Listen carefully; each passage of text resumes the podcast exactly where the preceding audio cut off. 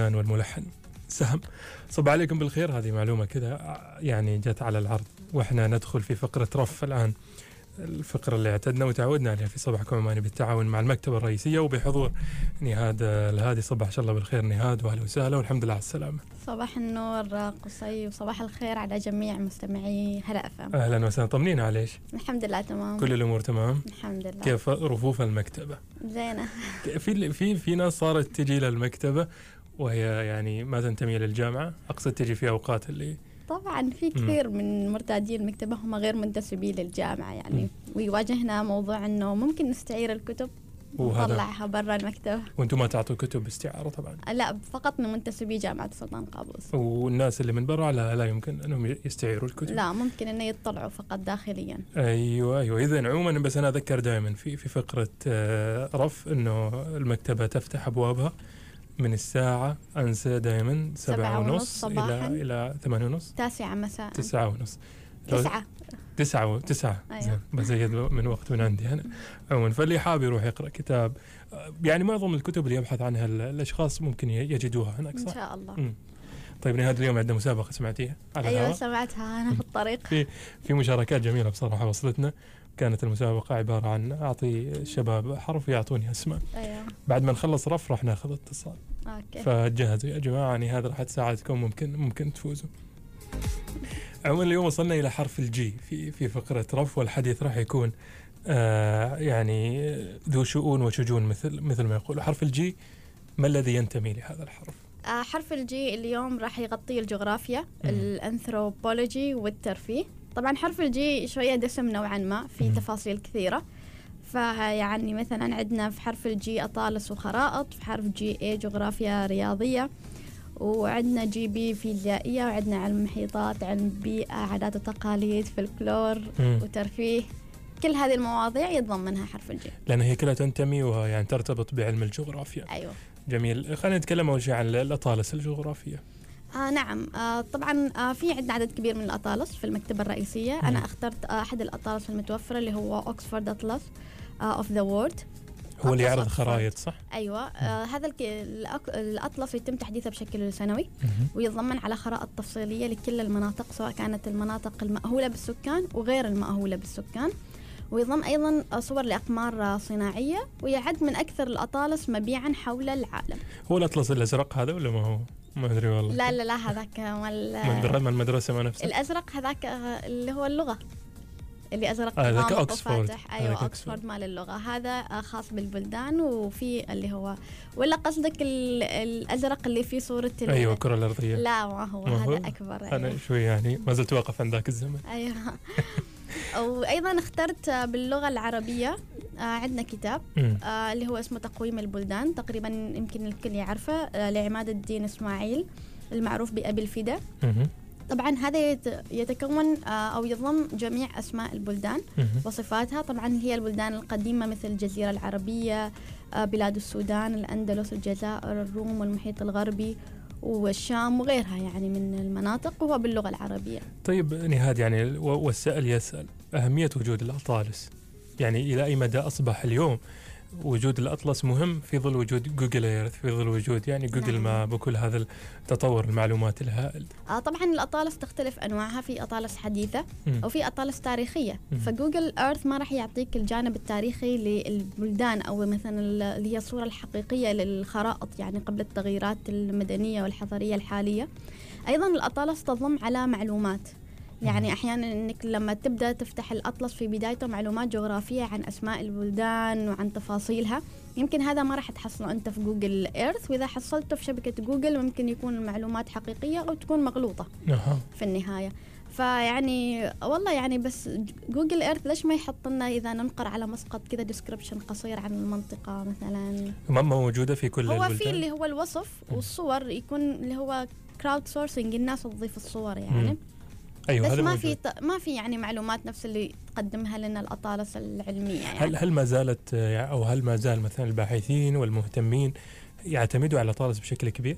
آه ما أتوقع إنه الاعتماد عليها اصبح الحين نفس قبل مم. لأنه في بعض الأطالس آه، تحولت إلى شكل إلكتروني وموجودة كمواقع إلكترونية تفاعلية جميل واحد من العلوم اللي مرتبط بشكل مباشر بال- بالجغرافيا هو علم البيئة نعم نتكلم عن هذا عن هذا الجزء آه علم البيئة هنا في عندنا كتاب آه جدا رائع اللي هو Butterflies and Climate Change هذا لما يقولوا إنه رفة فراشة مثلا في الصين تسبب ببركان صح. مثلا أو في. فهذا الكتاب يناقش هذه النظرية ويعتبر الفراشات آه، من الكائنات اللي جدا حساسة للمناخ وهي مؤشرات بيولوجية مهمة. للتأثير أو التغييرات المناخية الفراشة أيوة كيف؟ آه هذا الكتاب آه يكتشف كيف أن هذه الفراشات آه تتكيف مع التدرجات المناخية وكيف تستجيب آه لجغرافيتها الحيوية لتغيرات المناخ في. الماضي وأيضا في المستقبل يعني هو فقط مرتبط بال... بالفراشة نعم يربطها بال... بالكلايمت اللي هو المناخ بالمناخ أيوه هي مم. من الكائنات اللي جدا مرتبطة يعني أغلب الكائنات ال- طبعا أنا ما متخصصة في الجغرافيا بس هذه معلومة كلنا نعرفها إن أغلب الكائنات الحية هي مرتبطة بالمناخ يعني دائما نسمع إن الطيور تهاجر مثلا قبل حدوث صح، البراكين صح. أو ال- الكائنات الحية وهناك. التعشيش وما شابه اللي يعني يعني ترتبط فيه في الطيور في مواسم معينة وهذا عمل يعني هذا علم طويل وكبير جدا نعم ونحن عندنا مجموعة جدا كبيرة طبعا ما أقدر تغطيها كامل. بس هذا من الكتب اللي لفتت انتباهي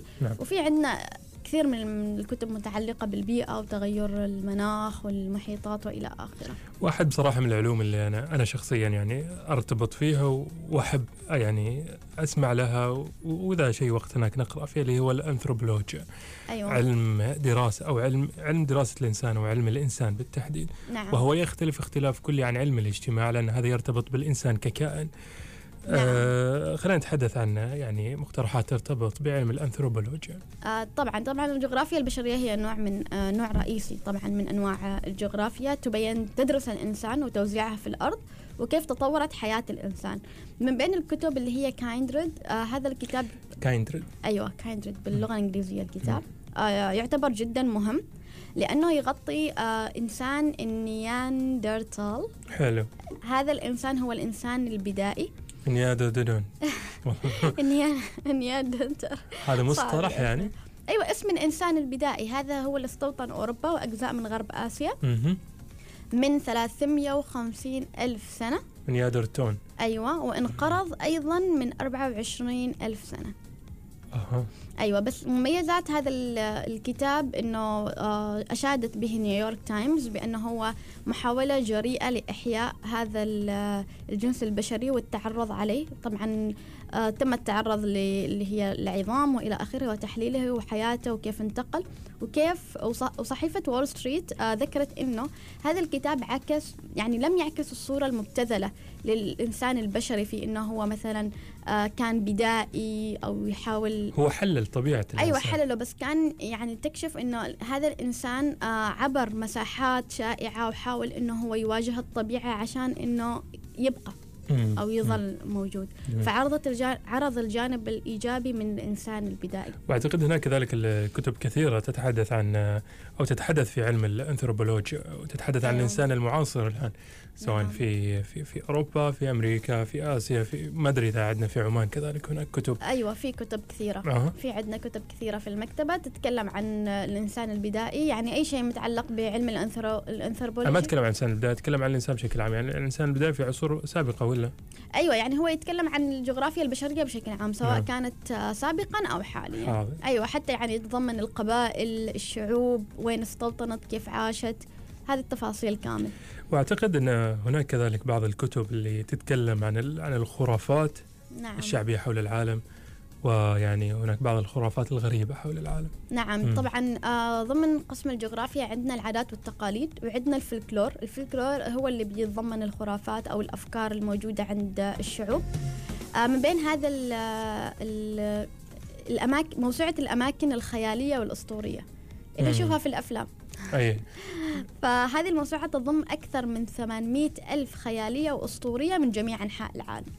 ما شاء الله. أيوة. فمن بينها يعني اللي نحن سمعنا عنها مثل يوتيوبيا وأتلانتس وغيرها اللي شاهدناها يمكن في الأفلام. مم. فلغاية الآن ما تعرف هذه الأماكن هي أصلا حقيقية أو غير حقيقية بس اللي عنده فضول إنه يعرف هذه الأماكن ممكن إنه يطلع على هذه آه، الموسوعة.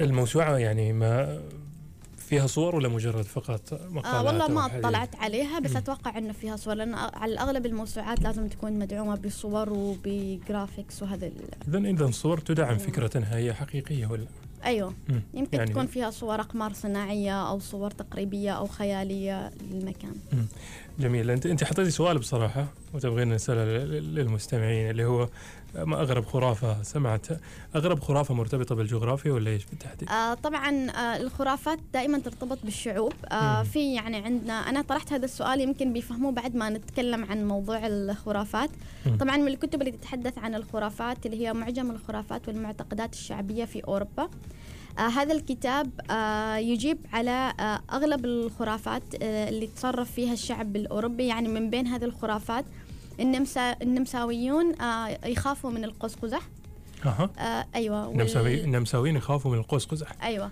آه الفتيات في أوروبا تتجنب المرور بين شجرتين تين سبحان الله. أيوة ومن بينها نفس الشيء آه آه الهر الأسود كلنا نعرف آه الناس تخاف منه مع أنه هذه خرافة من. الخرافات ويسمى بالشيطان الفضي. مظلوم هذا والله. أيوة. بصراحة السنور الأسود مظلوم. أيوة. هو أول ما يشوف الناس يا أخوي إيش فيكم؟ خلونا نسولف نتفاهم مع بعض. صحيح.